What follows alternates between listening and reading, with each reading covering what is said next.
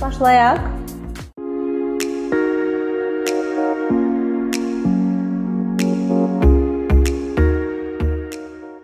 Biznesiniz üçün kölgəlik sistemləri yaradan Smart 10 şirkətinin sponsorluğu ilə verilişimiz davam edir. Dostlarım salam. Hər birinizi Bizneskar kanalımızda görməyimə çox şadam. Bu gün sizinlə yenə də mən Aytən Muxtarovayam. Bugünkü qonağımızı sizə təqdim etməmişdən öncə bildirmək istəyirəm ki, əgər siz biznes, özünün inkişaf, təhsil haqqında çox az da olsa internetdə araşdırma etmisinizsə, mütləq şəkildə qonağımızla tanışsınız. Elə isə gəlin qonağımızla birgə tanışalım. Elvin bəy salam. Salamlar, xoş gəldiniz. Verilişimizə xoş gəlmisiniz. Təşəkkür edirəm xanım, çox sağ olun. Özünüzü izləyicilərimizə necə təqdim edərdiniz? Elvin Dadaşsoy, sahibkar, bir oğlum var. 2008-ci ildə 700 balla universitetə daxil olmuşam. Adam Universitetinin MBA məzunuyam. Hobbim biznesi insanlara öyrətmək və onların biznes açmalarına, iş yerləri yaratmalarına dəstək olmaqdır. Elvin bəy, vebinarlarınızın birində evinizdə çalışma masasının üzərində Bəli. 100 min manatı necə qazanmaq olar? Bunu addım-addım qeyd etmişdiniz, Bəli. yazmışdınız və bunu da webinar iştirakçılarına bölüşmüşdünüz. Və mən də o webinarda iştirak Bəli. etmişdim. Bilmək istəyərdim, o ərəfə hansı mərhələdədir? Ona 1 il qoymuşdum ümumi tarix olaraq. 9-cu ayda çatdım mən. ona. 9-cu ayda çatsam. Hətta daha artıqlamasın. Daha artıq. Çox yaxşı. Yenə də bir vebinarlarınızın birində bir ifadə işlətmişdiniz ki, dostlarım baxın, mən öz ə, şəxsi nəqliyyat vasitəmlə ə, yol qət etdikdə mən bu yolda 2 saat vaxt itirdim. 2 saat vaxt itirdim və bu bunu çalışmağa həsr edə bilərəm və Bəli, o ərəfədə başqa nəqliyyat idarə edən bir əməkdaş var idi ki, Bəli, siz onun nəqliyyat vasitəsi sürücünüz var idi. Bəli. Və indi isə biz mənə belə gəlir ki, görürük siz maşınınızı almısınız. Bəli. Bunu necə dəyərləndirmək olar? Siz Özüm sürmürəm, niyə sürürsüz sürür? Sadəcə maşın özüm maşın. Hə, yəni siz köhnə fikrinizdə hələ də qalırsınız ki, həqiqətən də əlbəttə ki. saat olsun. Çox e, sadə bir araşdırma deyək də, gündə siz 2 saat avtomobil sürürsünüzsə, bu bir ayda tutaq 25 gün sürsəniz, bu eləyir 50 saat. Siz bunu ilə vursanız eləyir 600 saat. Siz bir e, sürücüyə isə maaş olaraq məsələn ilə verəcəyi tutaq ki 6000 manat. Sizin 600 saatınız deməli 6000 manat eləyir. 1 saatınızın dəyəri 10 manat eləyir. Əgər bir sahibkarın 1 saatının dəyəri 10 manatdırsa, deməli o çox xırda işlərlə məşğuldur. çox adəsən. Bəli. Elvin bəy zamandan danışmışkən izləyicilərimizə maraqlıdır ki, Elvin bəy günün neçə saatını çalışır? Ə, Saat yəqin ki bir 10 saat olar. 10 saat. 10 saat olar. Amma bu çalışmaq standart oturub nəsə belə işləmək deyil də. Mən qaçıram ora, bura bu ofisə, oradan ora, burdan Beyləqana, oradan Masallıya gəlirəm. Ə, Məsələn, bax bu gün artıq saat 11-dir. Ə, Bu günə görə qədər artıq mən 2 dənə yerə dəyib gəlmişəm bura. Gəlmisiniz. Tez başlayırsınız da işə. Deməzdim, yəni 9, 10, bəzən 11. Amma yəni saat 8-də olmuram işdə. Yuxuya həmişə diqqət yetirəm ki, gün ərzində 8 saat yatım. 8 Əgər məsələn gecə 2-də yatmışamsa, gündüz saat 10-da dururam. Elə adamlar var ki, onlar standart hər hər səhər tezdən Bəli. 6-da durur, qaçır, idman eləyir, mən elə fit deyiləm. Elvin bəy, bəs siz necə düşünürsüz? Uğuru müəyyənləşdirmək olurmu? Sizcə olursa bu necə baş tutur? Biri zaten xam uğur çox nisbi anlayışdır. Uğur ümumiyyətcə bir neçə elementin birləşməsidir. Mənə elə gəlir ki, bunlardan birincisi sağlamlıqdır. İkincisi digər insanlarla olan münasibətlərinin intensivliyi və keyfiyyətidir. Üçüncüsü sənin nəqd pul ehtiyatların, pulun idarə etmə bacarığın, pul qazanma üslubundur və sair digər detallar da var. Ümumiyyətcə bir insan o zaman uğurlu olur, hesab oluna bilər ki, o özünü xoşbəxt hiss eləsin. O həyatından məmnun olsun. Yəni yaşadığı həyat onun gözləntilərindən üstə düşsün. Bu zaman o uğurlu hesab olunur da. Fərqi yoxdur nə qədər qazanır, qazanmır. Çox təəssüf ki, bir çox insanlar düşünür ki, mən ancaq çox pul qazansam, bu, bu mən uğurlu olacağam, belə bir şey yoxdur. Yollar fərqlidir. Kimisisə mühəndis ola bilər, ayda 2000 maaş ala bilər, huzurlu bir həyat sürə bilər, ailəsi ilə xoşbəxtdir, gəzir, istirahət eləyir, dincəlir və huzurlu bir həyat yaşayır. O mənə görə bir uğurlu bir nümunədir. Kimsə isə bəlkə də milyonlar qazanır, amma gecə rahat yata bilmir. Tutaq ki, 40 yaşında gedib ürəyinə stent qoydurur. Bu əlbəttə ki, bu bu uğursuz кейsdir. Yəni sağlamlığı gedibsə, münasibətləri gedibsə, amma pul varsa, bu uğursuz кейsdir. Mən düşünürəm ki, hər kəsin ə, pul qazanma üslubu fərqlidir. Pul pula olan hədəfləri fərqlidir. Amma genel olduqda pul elementlərdən biridir də, yəni biznes uğur elementlərindən biridir. Digər elementlər sağlamlıq və şəxsi münasibətlərdir mənə gəlir. Belə bir sualı ünvanlamaq istəyərdim ki, sizin 30 yaşınızda övladınıza etdiyiniz 30 tövsiyə var idi. Mən bunun hər birini çox diqqətlə həqiqətən oxumurdum. Hər biri çox özəldir. Belə bir ifadə orada diqqətimi çəkdi mənim ki, qadın emosiyalarına diqqət et, amma önəm vermə. Onların emosiyaları həmişə rəqs edər sən yerində dur. Bəli. Dönüb sənə qayıdacaq. Bəli. Bunun açıqlamasını mən sizdən istəyərdim. Ümumiyyətcə qadın və kişi fərq onların beyinləri fərqli çalışır. Mən bunu artıq dərk eləmişəm. Ki biz öz beynimizlə qadını anlaya bilmərik ya da ya da əksinə. E, çox vaxt biz kişilər kişilərə verdiyimiz reaksiyanı qadınlara ver verərək xoşbəxt olmağa çalışırıq ki, bu işləmir. Bu olmur. Qadın ilk öncə daha kişidən daha tez erkənləşməyə başlayır. Yəni yetkinlik yaşına çatır. Qadının psixologiyası onun fiziologiyasına uyğun olaraq fərqli istiqamətdə inkişaf etməyə başlayır. Bizim cəmiyyət də qadına olan münasibəti kişiyə olan münasibətindən eyni deyil. Biz cəmiyyət olaraq qadını daha çox qorumağa meylliyik. Bu qoruma təsirləri də istər-istəməz qadının psixologiyasını biraz fərqli yöndə dəyişir. Və bütün bu təsirlər qadını kişidən fərqli cür düşünməyə gətirib çıxarır. Əlbəttə ki, bu həm hamıda standart deyil, amma genel bir yanaşma var ki, qadında hisslər dalğavar idi. Ola bilər ki, bu gün hər şey yaxşıdır, bu gün ən xoşbəxt həyat yoldaşı var, bu gün onun normal gəliri var, sağlamlıq qaydasında da övladları var, amma özünü bədbəxt hiss edə bilər. Hər bir şey var, amma o nəyinsə çatışmamasını hiss edə bilər. 3 gündən sonra bu hiss təzədən keçə bilər. Ya bu təbii bir prosesdir. Çox vaxt biz kişilər bu bu qaragüruhluq hissinə düçar oluruq və başlayırıq həmin anda ona müdaxilə eləmək istəməyə.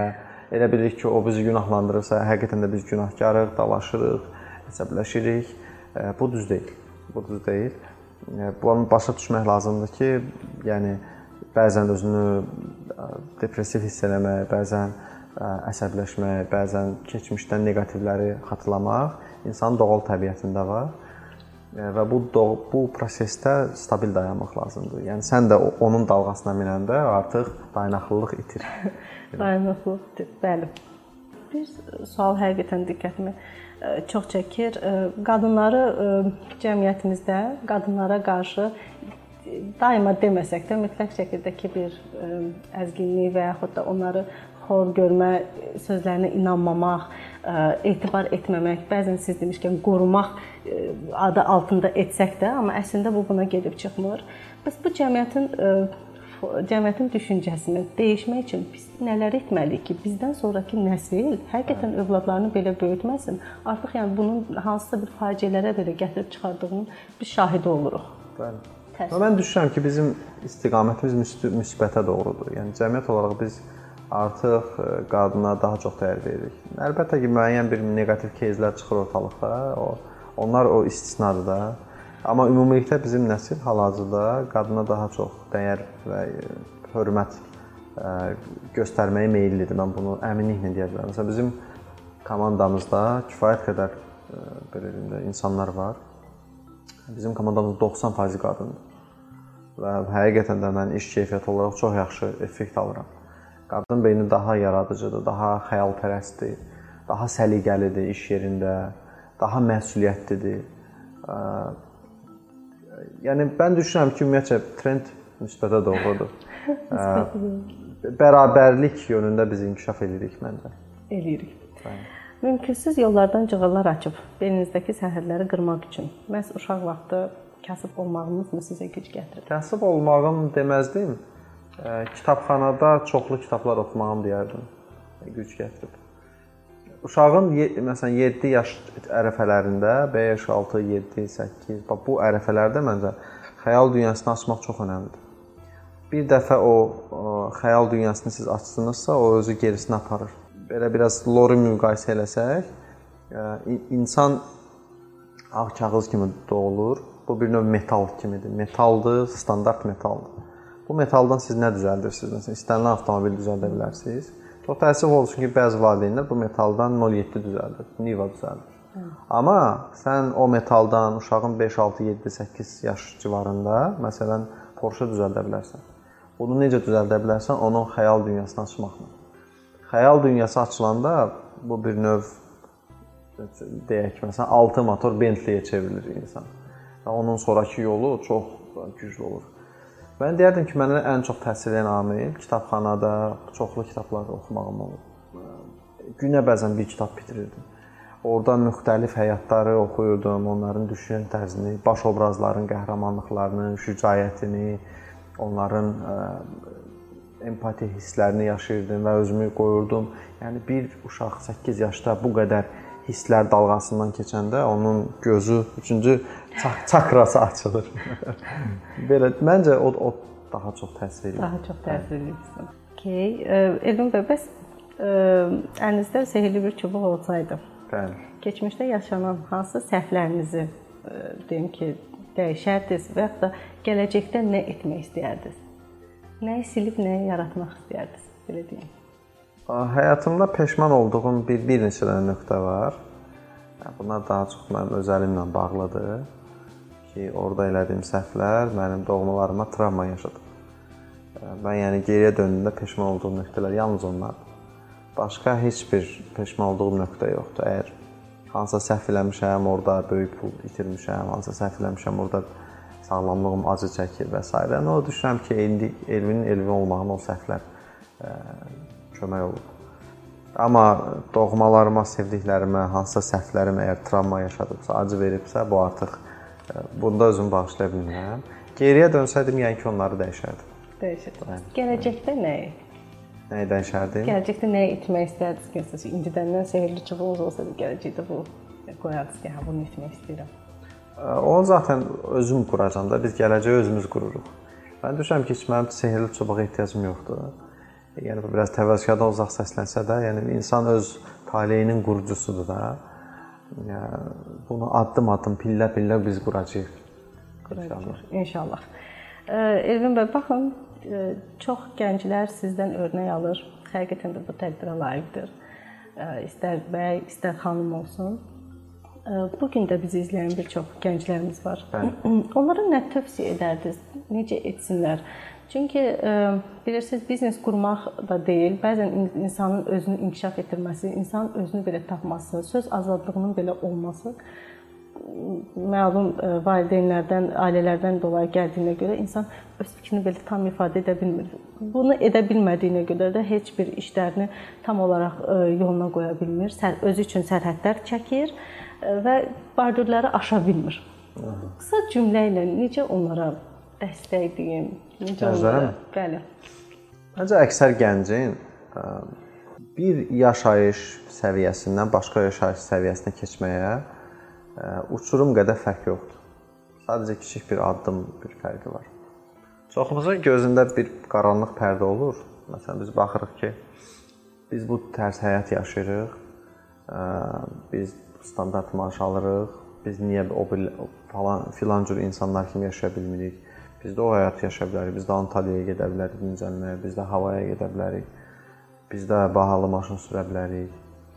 Biz də xeyriyyə aksiyalarına böyük məbləğdə kömək eləyə bilərik. Ordun qazilərimizə kömək eləyə bilərik. Biz niyə bunu eləyə bilmirik? Bu tərz yaşayan insanla o tərz yaşayan insan arasında böyük bir fərqlər yoxdur. Orda sadəcə bir kiçicik bir pərdə var ki, o pərdəni yırtmaq lazımdır. Bu pərdə birinci məsələ e, düş belə beyində olan düşüncə qəriblərdir. Əksər insan problem o əksər insanın problemi olmur ki, onu o nəyisə bacarmır. Əksər insanın problemi odur ki, o bacaracağına inanmır. Biz o şeyləri bacarırıq ki, biz o şeyləri bacaracağımıza inanırıq. Əksər insanın inan problemi var. Ümumiyyətcə cəmiyyəti dəyişən proses inan prosesidir. Peyğəmbərlərdən tutmuş, hətta tiranlara qədər onlar inam üzərində cəmiyyəti dəyişiblər. Fərdlərdə də bacarıq problemi yoxdur, inam problemi var. Birinci detal insanlar inamlarını məşq etdirməlidirlər. Kimisi bunu dinlə məşq etdirir, kimisi bunu xırda sənətlə məşq etdirir. Amma ilk öncə inamı məşq etdirmək lazımdır. Bu çox ə, utopik səslənir, amma bu mümkündür. Biz xırdadan başlayıb yavaş-yavaş inamımızı məşq etdirə bilərik. İkinci məsələ isə insanlar o inandıkları şey üçün xırda-xırda addımlar atmaq lazımdır. Xırda addımlar atmayanda müqavimət qırılmır. İstənilən dəyişiklik bizdə müqavimət yaradır. İstənilən dəyişiklik, məsələn, biz ölkəni köçmək istəyirik başqa yerə, e, bizdə müqavimət hissi yaranır. Biz evlənmək istəyirik, bizdə müqavimət hissi yaranır. E, biz övlad dünyaya gətirmək istəyirik, qadın 1000 dənə tərəddüd edir. Çünki müqavimət hissi yaranır. Sən indi 2 uşaqla yaşayırsan, indi olacaq 3-cü uşağın insan daha yaxşı yaşamaq istəyəndə də belə onda müqavimət yaranır. Bu müqaviməti qırmaq üçün ilk proses inam yaratmaqdır. İkinci proses isə xırda addımlar atmaqdır. Adətən müqaviməti doğuran ən böyük səbəb bilgisizlik olur. Məsələn, biz öz məhəlləmizdə hər hansısa marketə göz yumdu gedib gələ bildik gecə saat 4-də, qaranlıqda. Amma hansısa bir tanımadığımız kənddə biz gecə düşüb 2 kilometr marketə yol getmərik qorxuruq çünki yol tanımırıq. Ümumiyyətcə həyat da belədir. Biz bilmədiyimiz yollar bizim kabusumuza çevrilir. Bilgini artırmaqla o qorxunu aşmaq olar. Qorxunu aşmaq olar. Hə. Çox sağ olun. Həqiqətən də çox maraqlı mövzulara toxunduq. İzləyicilərimizə də, gənclərimizə də lazımi tövsiyələrinizi yönləndirdiniz. Təşəkkür edirəm sizə Elvin bəy. Növbəti videolarımızda görüşmək ümidi ilə. Mən təşəkkür edirəm dəvətiniz üçün xanım. Bizim sizinlə yolumuz mənim dərslərimdə kəsişib. Sizin dərslərinizdə tələbə kimi qatılmışdınız. Baxmayaraq ki, sizin öz biznesiniz var, öz işləriniz var. Hə, mənə çox xoş olmuşdu ki, siz yenə də davamlı olaraq öyrəncisiniz. Burada bizim təkcə qonaq kimi yox, həm də bir müəllim tələbə bağlarımız var. Sonradan qismət elə oldu, gəldim, ailənizlə tanış oldum. Bəli. Mən də sizə işlərinizdə uğurlar arzulayıram və düşünürəm ki, bu YouTube kanalınız bu gün gələcək ki, bir çox insana fayda verəcək. İnşallah. Təşəkkür edirəm dəvətiniz üçün. Buyurun. Qısa bir mövzuya toxunmaq istəyirəm Elvin bəy bu mənim sizin vebinarlarınızda iştirakımla bağlı. Həqiqətən də az öncə də siz bildirdiniz, bilmədiklərinizi bilmək istəyir insan. Mən sizin vebinarlarınızda da iştirak etmişəm. Nəcəf Allahverdiyevin vebinarlarında da, Mən. Orxan Şahbazın da vebinarlarında. Mən. Çünki həqiqətən mənə maraqlı idi ki, biznes təlimləri deyəndə e, nələr e, dərs kimi keçirilir. Çünki bu dərslər bizə heç yerdə öyrədilməmişdi. Heç yerdə biz bunları e, düzdür, müəyyən kitablar oxusaq da, bir çox biznesmenlərin həyatlarına baxsaq da, amma heç bir özümüz üçün cığır cızmamışdıq. Yəni bunu bir dəftər qələm üzərinə tökməmişdik. Həqiqətən də bu mənim üçün özüm üçün də çox xoş oldu və mən də orada iştirakımda bildiklərimi yenilədim, bilmədiklərimi söylədim. Ən əsası, ən vacibi isə dost əhatəmizi daha da genişləndirdik. Bu gün burada olmağımızın da səbəbkarı elə bir qısa bir vebinardan əslində səbəb olmasıdır. Evet, haqlısınız. Təşəkkür edirəm. Mən təşəkkür edirəm Aytə xanım. Minnətdaram sizə.